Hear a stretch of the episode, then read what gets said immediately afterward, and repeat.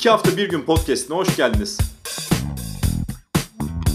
Konuklarımla iki hafta bir günde neler okuduklarını, neler izlediklerini, neler yaşadıklarını konuşacağız. Haydi kitap, dizi, film, olay, anı, deneyim ve daha fazlasını konuşmaya başlayalım.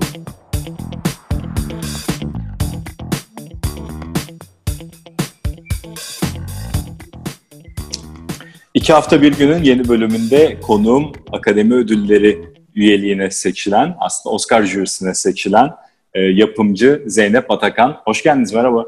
Hoş bulduk, ne güzel. Ben de burada olmaktan çok mutluyum. Valla biz de çok mutlu olduk haberi aldığımız zaman. Aslında çok yeni değil. E, Temmuz ayının başında. E, siz zaten daha önce de e, çok ödüle de sahip olan bir yapımcısınız. Mesela 2014 yılında Kış Uykusu'yla Nuri Bilge Ceylan'ın yönetmenliği yaptığı Kış Uykusu'yla da Kanda Altın Palmiye'yi kazanmıştınız. Böyle ödülleriniz de var ama bunu hemen girişte filmlere başlamadan sizle konuşmak isterim. Ee, nasıl bir histi, nasıl hissettiniz, neler düşünüyorsunuz e, kabul edilmekle ilgili? Şu an büyük bir sürpriz de aslında. Ben çok beklemiyordum böyle bir şey. Hatta akademinin yeni üyeleri aldığını bile bilmiyordum. Yani çok açık söyleyeyim. Çünkü ben 10 yılı aşkın süredir Avrupa Film Akademisi hem Asya Pasifik Akademi üyesiyim. Dolayısıyla e, daha bağımsız e, filmlerin, yaratıcılığın daha yoğun olduğu e, yerlerde. Amerika tam bir endüstri ve oradan bir yapımcıya hani e, buraya davet alması, bir yapımcının akademi için davet alması pek olası bir şey gibi gelmiyordu açıkçası. Yani sesimin o kadar duyulduğunu düşünmemiştim. E, ve tabii çok sürpriz oldu. Ben çünkü onu e, sabahleyin öğrendim. Gece yayınlamışlar. Ve ardından tabii çalışmam benim için e, hem yani beklemediğim bir şey olduğu için mesleğim açısından ama bir taraftan da bir mutluluk oldu. Çünkü ben uzun zamandır işte dersler veriyorum, öğrencilerim var ve bir yapımcılık modelini e, anlatmaya çalışıyorum. E, bu çeşitli ödüllerle yani filmlerimin aldığı ödüllerle değil, orada hani yaratıcılar var, yönetmenlerin yaratıcılığına daha çok ama kendi aldığım işte Avrupa Film Akademisi Örimaj Ödülü olsun, bir takım işte Bilge Olgaç Ödülü olsun. Hep mesleğimi hani böyle e, takdir eden ödüller almıştım. E, bunu da aslında bir ödül gibi hissettim. Çünkü dediğim gibi öğrencilere anlattığım şeyin yani burada yapmaya çalıştığım, anlatmaya çalıştığım metodun aslında bir şekilde orada kabul gördüğü e, hissi yarattı bende ki zaten e, yapımcının yani yapımcı kavramı ile ilgili çok ciddi biliyorsunuz e, ben her yerde konuşuyorum ve anlatıyorum. E, bunun hani bu şekilde bir davet olması e, beni tabii çok mutlu etti. Yani bir onaylanma gibi. Yani devam edelim değilim ama yaptığım işin böyle görülüyor olması çok güzel bir şey tabii. Valla bizi de çok mutlu etti. Peki bu hayatınızda e, bazı alışkanlıklarınızı değiştirecek mi? Mesela çok daha fazla ta- zaten çok film takip ediyorsunuzdur eminim ama çok daha fazla film takip etmeniz gerekecek herhalde değil mi? Yani edecek ama bütün akademilerde işte bu e, oynamalar vesaireler yapılırken yani oy kullanmaya da bilirsiniz ama ben zaten film seyretmeyi çok seviyorum. E, ve benim için evet e, oturup film seyretmek çünkü bir filmi seyrederken sadece nasıl bir film diye değil, onun bir sürü şeyini, niye yapıldığını, dünya konjüktüründe neden öyle bir filmin e, yatırımcılar tarafından işte para yatırıldığını olmadı bir sürü soruyla oturuyorum. Ve benim için e, farklı gözlemler olacağı için çok mutluyum açıkçası. Çünkü aşağı yukarı hani bu pandemi öncesi de hem Avrupa Film Akademisi hem Asya'dan gelen hani izlediğim filmler hem fes çok festival geziyordum e, yurt dışında hemen hemen yılın 3-4 ayını festival e, ziyaretlerine ayırıyordum ve orada da en sevdiğim şey salonda film izlemekti. Tabii bu kalınca ilginç bir şekilde pandemide ben hiç film seyredemedim. Önce onu söyleyeyim. Aa gerçekten. Hayır seyredemedim. Çünkü kendimizi bir filmin içinde bir kahraman gibi gördüm ve e, biraz hayatın dışındaki durumu gözlemlemeye baktık. Başka bir dünyaya girmek istemedim açıkçası ama e, tekrar döndüm zaten çok avanslıydım yani gün haftada eden birisi olarak. Biraz durup o zamana baktım fark etmediğim şeyleri. Yani sıra dışı bir şey var de yaşanıyordu. Sıra e, hayatın o sıra dışı şeyini yok sayıp çünkü filmlerin içine girdiğim zaman o dünyanın içinde kayboluyorum ve o dünyayla yaşıyorum ben.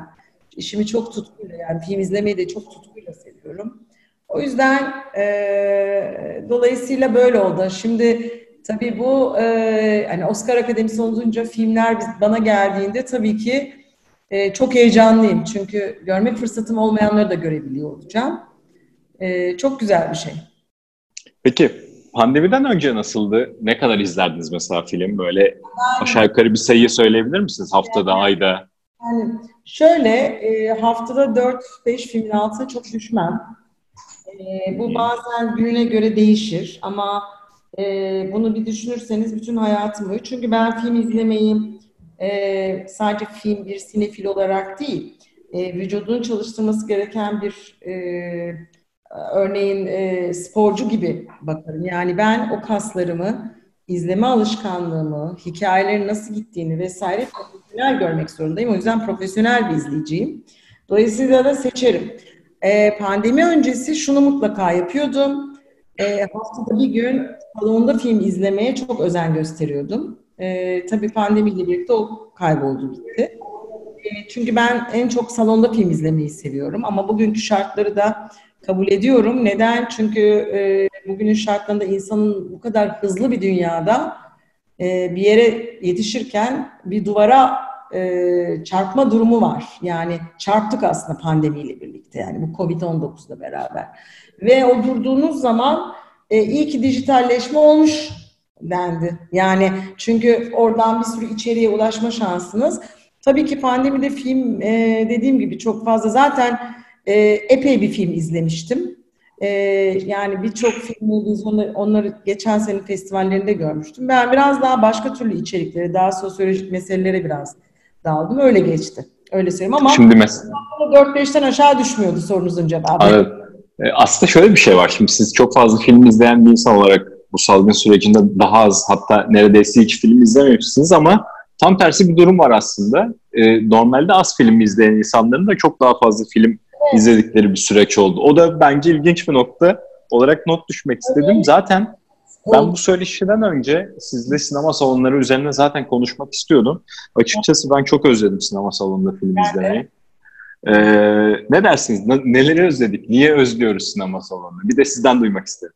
Çünkü salon, e, sinema salonu büyülü bir yerdir. Yani ışıklar kapalır ve perdeyle siz kalırsınız. O yönetmenin dünyasıyla, o hikayeyle siz kalırsınız. Kalbinizden e, hissetmek, yani yalnız başına olmakla, evet yanında bir insanın arkadaşı, eşi, dostu, sevgilisi vesaire varsa onunla paylaşmak da güzeldir ama asıl olan oradaki tek ihtiyaç e, orada perdede gördüğünüz filmle ilişki kurmaktır.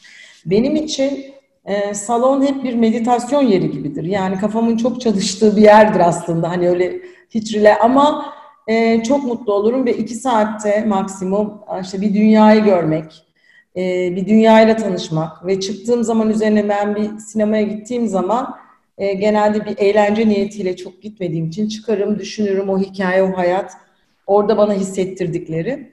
E, tabii e, salonların böyle olması ama tabii son yıllarda yani özellikle bir takım filmlerin çok kısa salonda kalması, hani bu zaten e, sorunlu bir noktadaydı ve şimdi pandemi nedeniyle e, az salon hayatta olması. Bence bazen böyle şeyler olur. Hep düşünüyorum ki e, filmler e, elbette sinema salonda izlenir en iyi ama bu üretimi karşılayacak salon sayısı vesaire de baktığınızda epey bir şey oluyor. Dolayısıyla bence e, sinemada film izlemek daha özel ve ayrı bir şey olacak artık. Bir konser izlemek, canlı konser izlemek gibi. Çok kıymetli buluyorum. Ve Ben de kesinlikle. düşünüyorum. Aynen öyle. Kesinlikle. Şimdi e, asıl sorumuza gelelim. Buyurun. Bu yaz ne izleyelim? Ha bu ya bu soruya çok cevap verdim aslında o yüzden de sen seçenek. E, Valla ben e, şimdi salonlarda bir filmler e, nasıl olduğunu bilmediğim için ya da hani insanlar evde ulaşabilecekleri içerikler gerçekten içerikler var. E, öncelikle ben e, sinema öğrencilerine, sinemayla ilgilenen arkadaşlara ya da sinemayı daha iyi e, takip etmek isteyenlere görmedikleri filmler varsa sinema tarihinden bunları e, kesinlikle öneriyorum. E, yani mesela işte e, mesela böyle bir konsept belirliyorum. İnsanlar kadın erkek ilişkileri sonra üç film arda izlemek. Böyle bir metot öneriyorum. Yani işte bu e, mesela örnek e, Bergman'ın Bir Evlilikten Manzaraları, e, sonra atıyorum e, iklimler, Amur e, ve de e, Marriage Story mesela. Bunlar böyle kadın erkek ilişkilerini falan alıp götüren ve başka bir takım yorumlara giden şeyler. Biraz e, bu dijital platformlarda ve e, yani işte çeşitli mecralarda tabii ki sinema içinde demiyorum olan bu fırsat varken bunu bir oyuna çevirebilirler ve her birinin düşüncesini görebilirler. Bu saydığımız yönetmenlerin hepsi çok kıymetli, değerli yönetmenler. E, dolayısıyla e, ve hani kronolojik bir sırayla izlendiğinde de mesela ben hani böyle seriler yapılabilir şey diye düşünüyorum. E, o kronolojik sırada hani toplumun hayata, aşka, ilişkilere, kadın erkek ilişkilerine nasıl bir bakış geliştirmiş. Çünkü mesele iyi bir seyirci olmak da iyi yorumlayabilmek ve kıyaslayabilmekten geçer. Böyle dönemlerine göre sene sene ayırarak e, benzer meseleleri izlemenin çok yararlı olduğunu düşünüyorum. E, bunun dışında e, benim çok özel bir merakım var. E, bulabildikçe izliyorum. E, Türkiye sinemasının böyle bir dönem filmleri, bir siyah beyaz olanlar falan bir takım dijital platformlarda bulunuyor yenilenmiş kopyalarıyla. Bunları öneriyorum. Aslında bu yazı biraz hani günceli yakalayabilmek için, geçmişi biraz bilmek bildiği için herkesin biraz bildiği, yürüdüğü e, veya bir yönetmenden 3-4 film ardarda izlenebilir. E, Şu an yine platformlar mesela Asgar Farhadi'nin e, işte Bir Ayrılış, e, ondan sonra Satıcı e, ve herkes biliyor mesela 3 filmi son 5 senede yaptığı veya 6 senede yaptığı 3-4 film. Böyle e, ben biraz bir önce konsept yaratıp onun üstüne e, film e, repertuarlarını herkesin e, oluşturmasını öneriyorum. Bunun da nedeni şu aslında. Çünkü aslında bu film sevmek görece bir şeydir. Yani tavsiye etmek de öyledir. Yani siz çok seversiniz ama bir başkası hiç sevmeyebilir. O onun kötü bir film olduğunu göstermez. Daha hatta yani benim de mesela sevmediğim ama çok iyi olan filmler vardır. Ama sevdiğim ama e, ortalama diyebileceğim filmler vardır. Bir seyircinin de e, bu mukayese yani bu karşılaştırmayı yapabilmesi için biraz yapıp kendi yorumu ve kendi cümlesini kurabilmesi için işte bak bu yönetmenler bu cümleleri söylüyor. Bu adamın dertleri buralarda deyip kendi cümlesini kurabilmesi en güzeldir ve etkide kalmadan. O yüzden ben e, e, etkide kalacak benden de sürekli istiyorlar ama ben e, bunu hep böyle bir yapı üstünden ve bir sürü e, şeyle girilmesi gerektiğini düşünüyorum. Dolayısıyla bu bu tip e, film listeleri istendiğinde genelde bir metot öneriyorum. Ve ondan sonra herkes kendi listesini, kendi ilk beşini, ilk e, dördünü, ilk üçünü, her şeyini yapabilir diye düşünüyorum. Öyle söyleyeyim. Şimdi çok güzel bir açıklama yaptınız. Ben bu serinin ilkinde aslında bu yaz, bu yaz ne okuyalım diye Yekta Kopan'la konuştum. Ona şunu sormuştum. Yaz kitabı diye bir şey var mı diye. Ee, size de sorayım. Yaz filmi diye bir şey var mı? Veya yaz diye yaz filmine benzer şeyler mi izlemeliyiz mesela? Bu, bence biraz hani e, şöyle diyelim. Yaz nedir aslında? İnsanlarda neyi çağrıştırır? İşte tatil fikrini çağrıştırır. Kafamı dinlendireceğim fikrini çağrıştırır. Daha yani e, daha hafif e, kıvamlı gibi çağrıştırır. Şimdi bu da gene kişiye göre değişir. Bana göre ne yaz kitabı var ne yaz filmi var. Yani her film bir film, her film, kitap bir kitap misal. Ee, ama örneğin işte benim çocukluğumda işte bir takım yerlere gidildiğinde işte açık hava sinemaları vardı. Hani açık havada seyredebileceğin eğlenebileceğin, çekirdek de yiyebileceğin işte e, filan.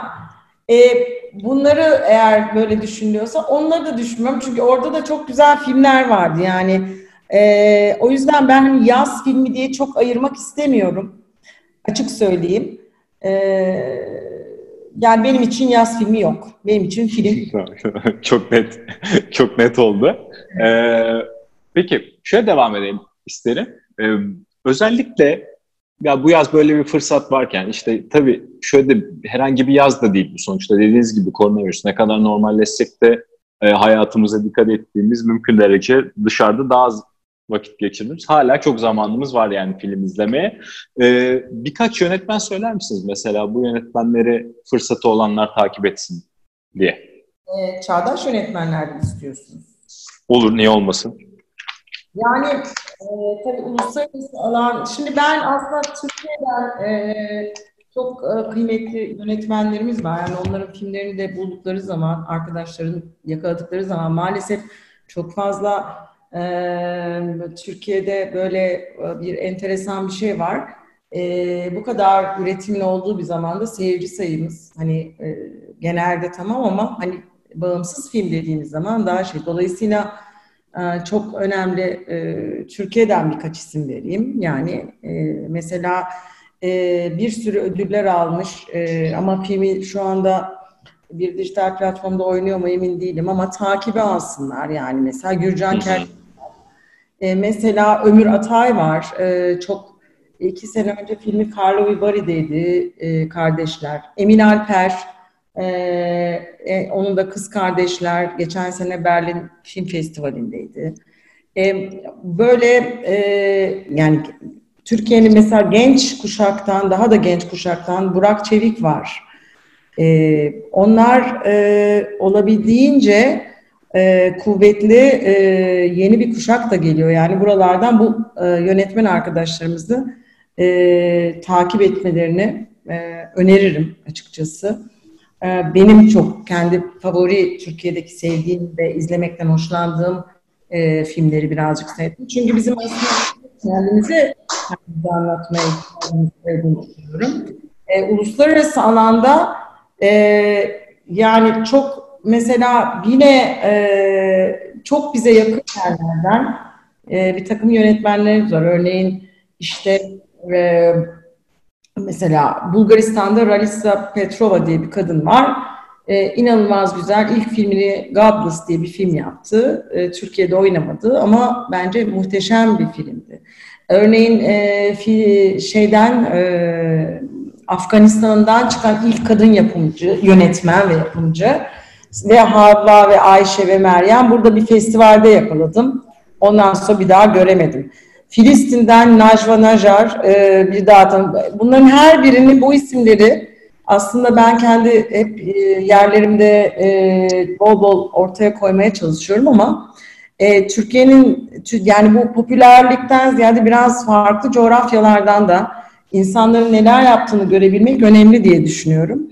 E, dolayısıyla e, böyle elimde e, gerçekten iyi projeler, e, özellikle kadın e, yani uluslararası alanda da genç kuşak, kadın, erkek fark etmiyor ama e, bir önemli bir genç kuşak geliyor ve bu toplumun yani bu çağın sorunlarını e, onların diliyle izliyoruz. Dolayısıyla tanımak gerekiyor. Yani bir şeye kitlenmemek gerekiyor. E, zaten popüler olan isimleri herkes e, söylüyor. Dolayısıyla ben daha az popüler ama 5 yıl sonra, 10 yıl sonra çok popüler olabilecek e, önemli dünyada takip ettiğim yönetmenlerin ismini vermiş oldum. Zeynep Atakan çok teşekkür ederiz. Dediğiniz gibi e, ben çok not aldım. Eminim dinleyenler de not almışlardır ve bakacaklardır önerilerinize.